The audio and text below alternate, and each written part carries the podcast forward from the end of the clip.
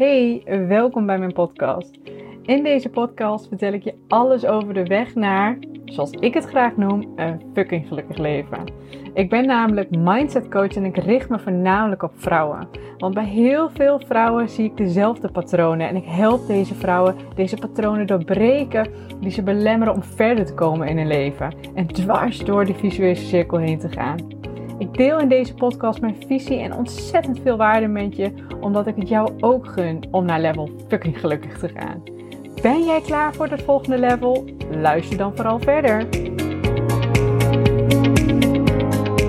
Dag, lieve dames, welkom bij een nieuwe podcast. Het is donderdag, kwart voor zes als ik deze opneem. Morgen komt hij online. En ik uh, kom net van het strand. We hebben vandaag echt, echt een dagje geluk. Want het was vandaag 24 graden. Het is nu nog steeds 20 graden. Het is echt bizar mooi weer. Um, we zijn eerst lekker uit eten geweest.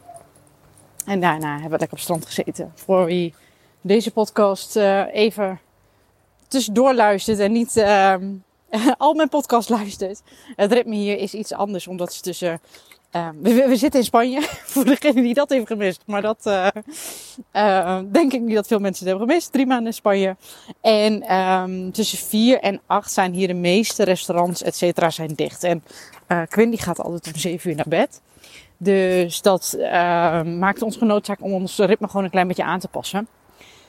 Wat helemaal oké is, dus wij ja, ontbijten en dan doen we meestal om 11 uur, 12 uur eten we wat kleins. En dan om drie uur gaan we um, warm eten, avondeten, grootste maaltijd en om een uurtje of 7, 8, meestal wel pas rond 8 moet ik zeggen, dan um, ja, eten we vaak nog iets kleins. Dus dat is ons ritme hier. En dat was dus ook zo vandaag. En ik probeer ook, ik werk meestal, um, ja, ik begin meestal om 9 of om 10 uur. Meestal om 10 uur, heel af en toe om 9, maar meestal om 10 uur. En dan ook vaak dus tot een uur of drie max. Heel af en toe tot vier, maar probeer dus tot, uh, tot drie. En dan is eigenlijk mijn, mijn pauze. En om, uh, soms heb ik om half acht nog een uh, call staan. Zoals vanavond heb ik een call staan met um, Dames Empower Membership. Daar heb ik niet, volgens mij nog niet eerder wat over verteld. Maar dat is, een, um, dat is iets exclusief voor dames die Empower hebben gevolgd. Empower duurt namelijk 12 weken. Je houdt wel levenslang toegang tot Empower. Maar um, de coaching, dus de begeleiding, die is 12 weken. En als je dat hebt gevolgd, kun je na het kiezen voor een membership. Dat je een jaar lang nog uh, in een speciale community blijft met allemaal dames die een Power hebben gevolgd. En één keer in de maand heb ik dan een, een groepscommunity dames.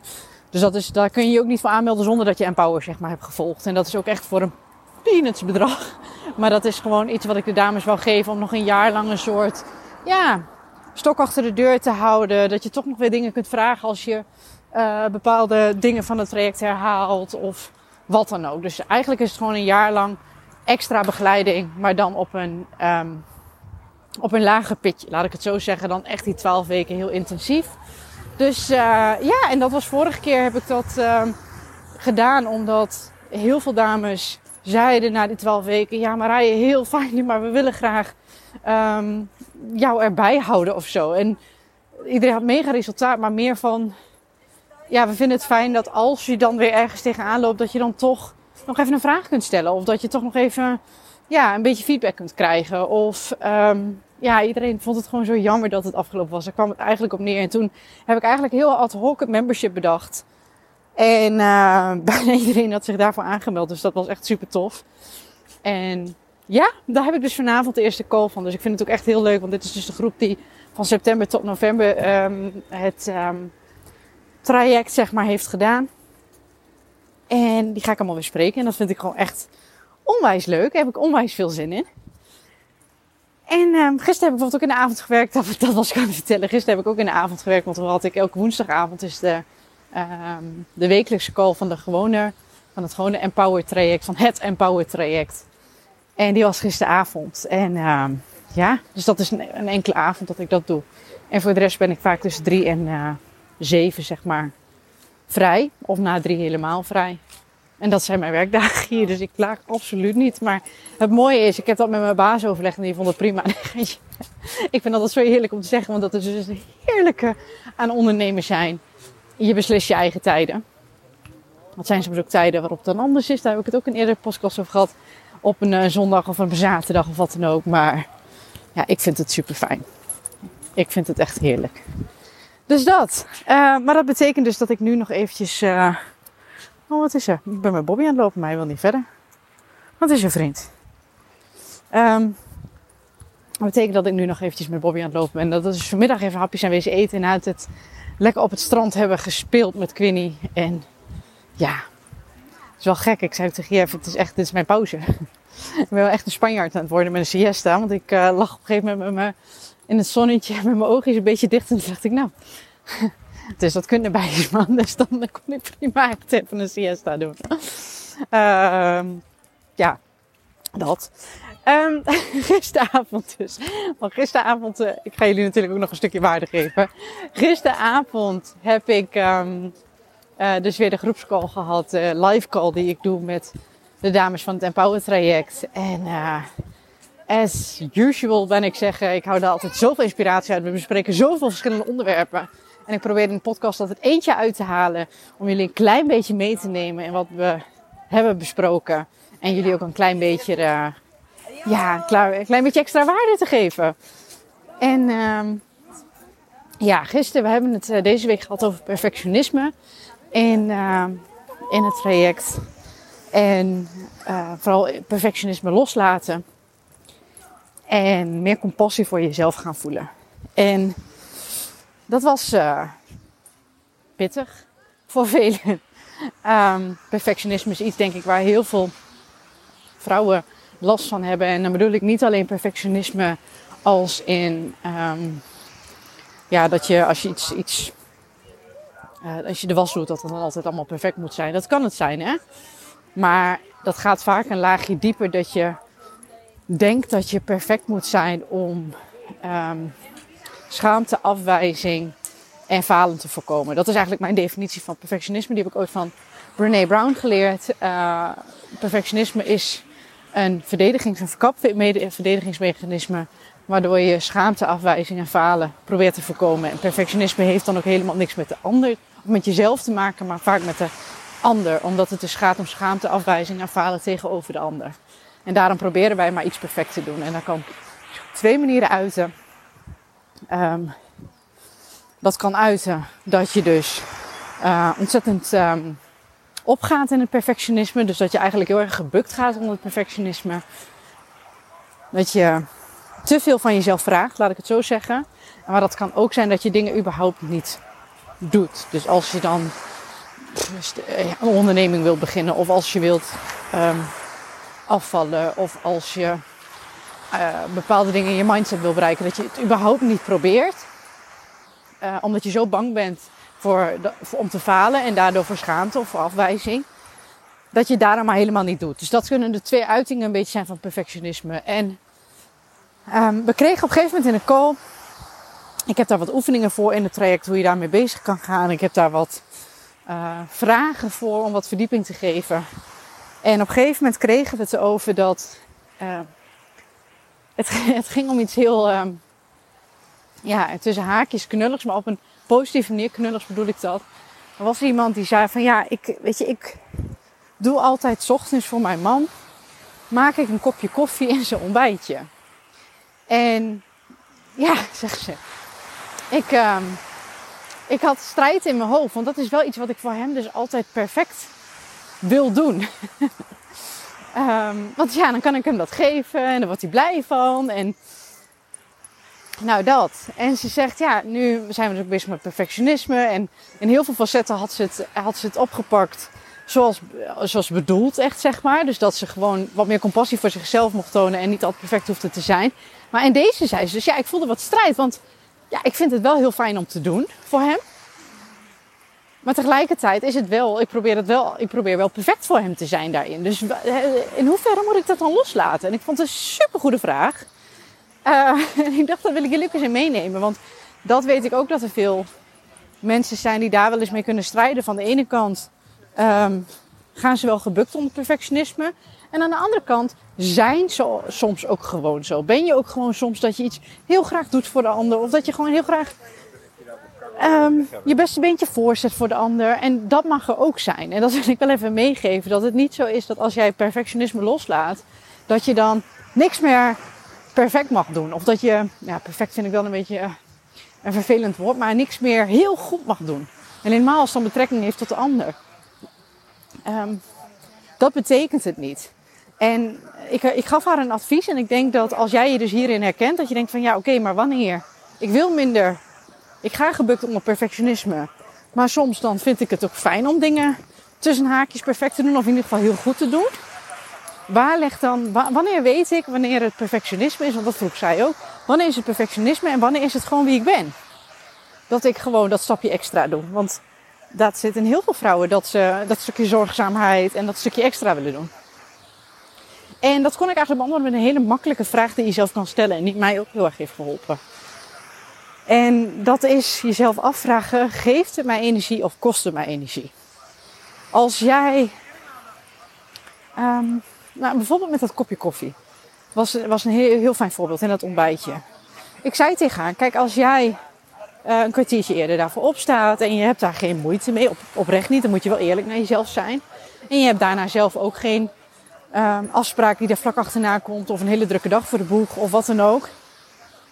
En het, het kost jou dus geen energie om dat voor hem te doen. En je wordt daadwerkelijk heel, je krijgt energie als je dan zijn glimlach ziet en dan zegt hij, oh schat, dankjewel, wat lekker weer.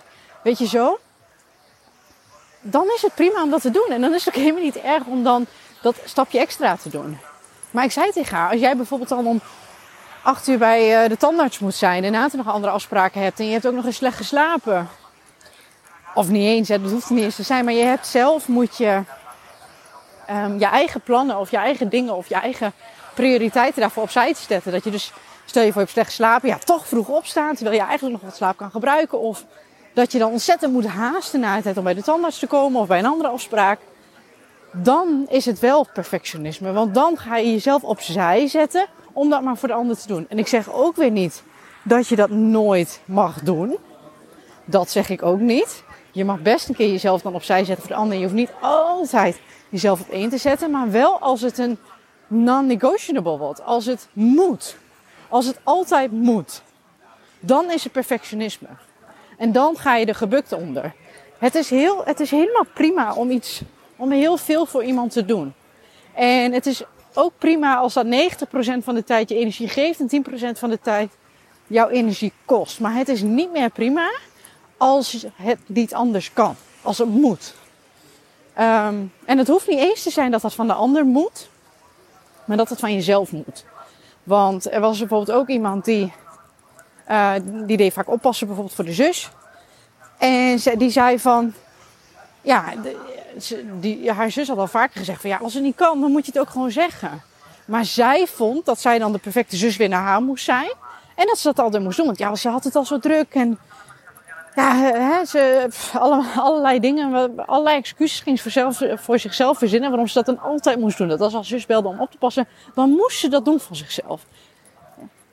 Soms gaf het haar energie, soms kost het energie. Dat is, dat is dan nog oké. Maar ik zei ook tegen haar, maar is er een optie om nee te zeggen? Dat zei ze nou eigenlijk niet.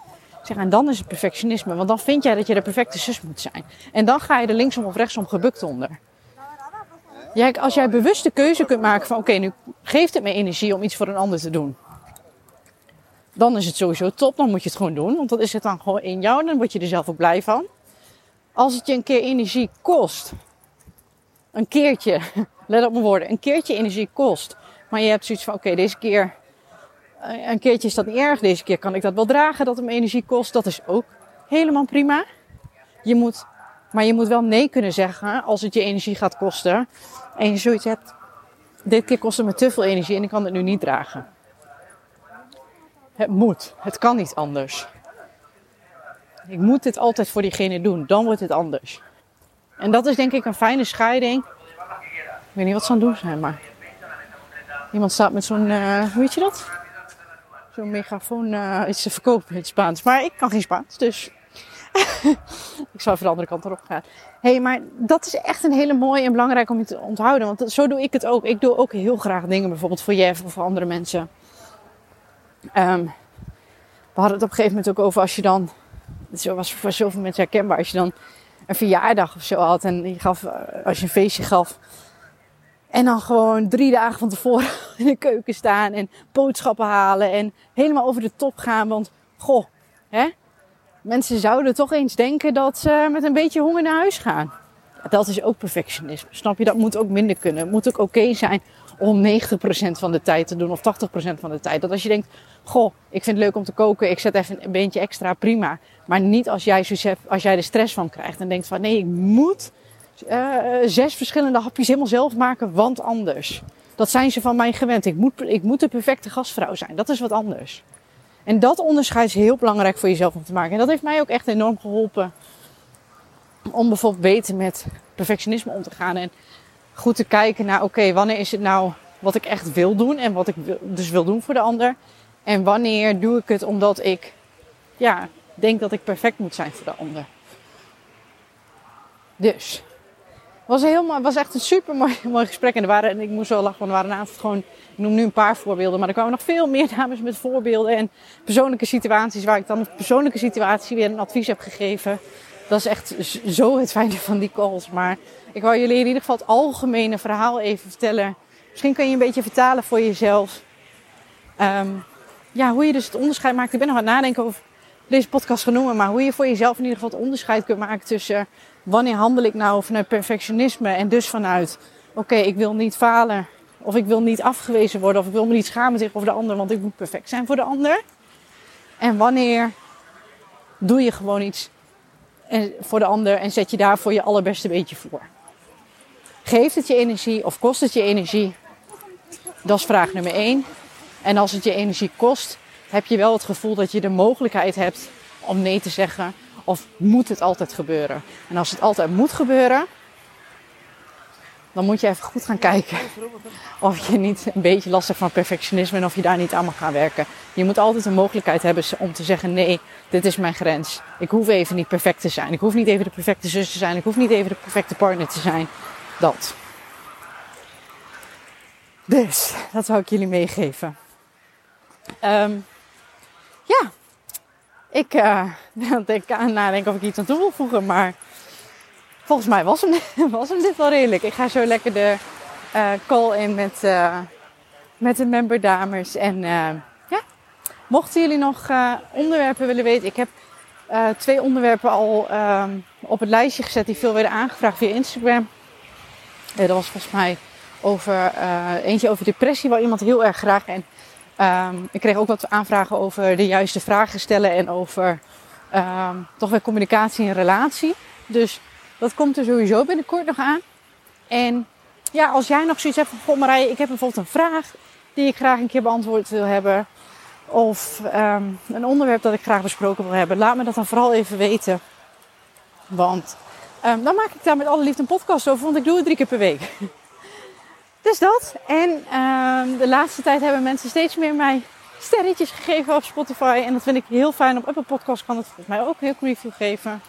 Mocht je hier nou naar luisteren, mocht je er inspiratie uit halen, zou je mij nou alsjeblieft, alsjeblieft een uh, review of sterretjes willen geven. Want de podcast wordt dan gewoon veel beter gevonden. Kan ik veel meer vrouwen helpen, veel meer vrouwen bereiken, veel meer vrouwen inspireren om gewoon zoveel meer te gaan geloven in zichzelf. Om zichzelf meer prioriteit te maken. En om ook gewoon een fucking gelukkig leven te gaan leiden. Dat. Dus, als je me zou willen helpen, heel graag. En dan, uh, ja, tot de volgende podcast. Doei doei!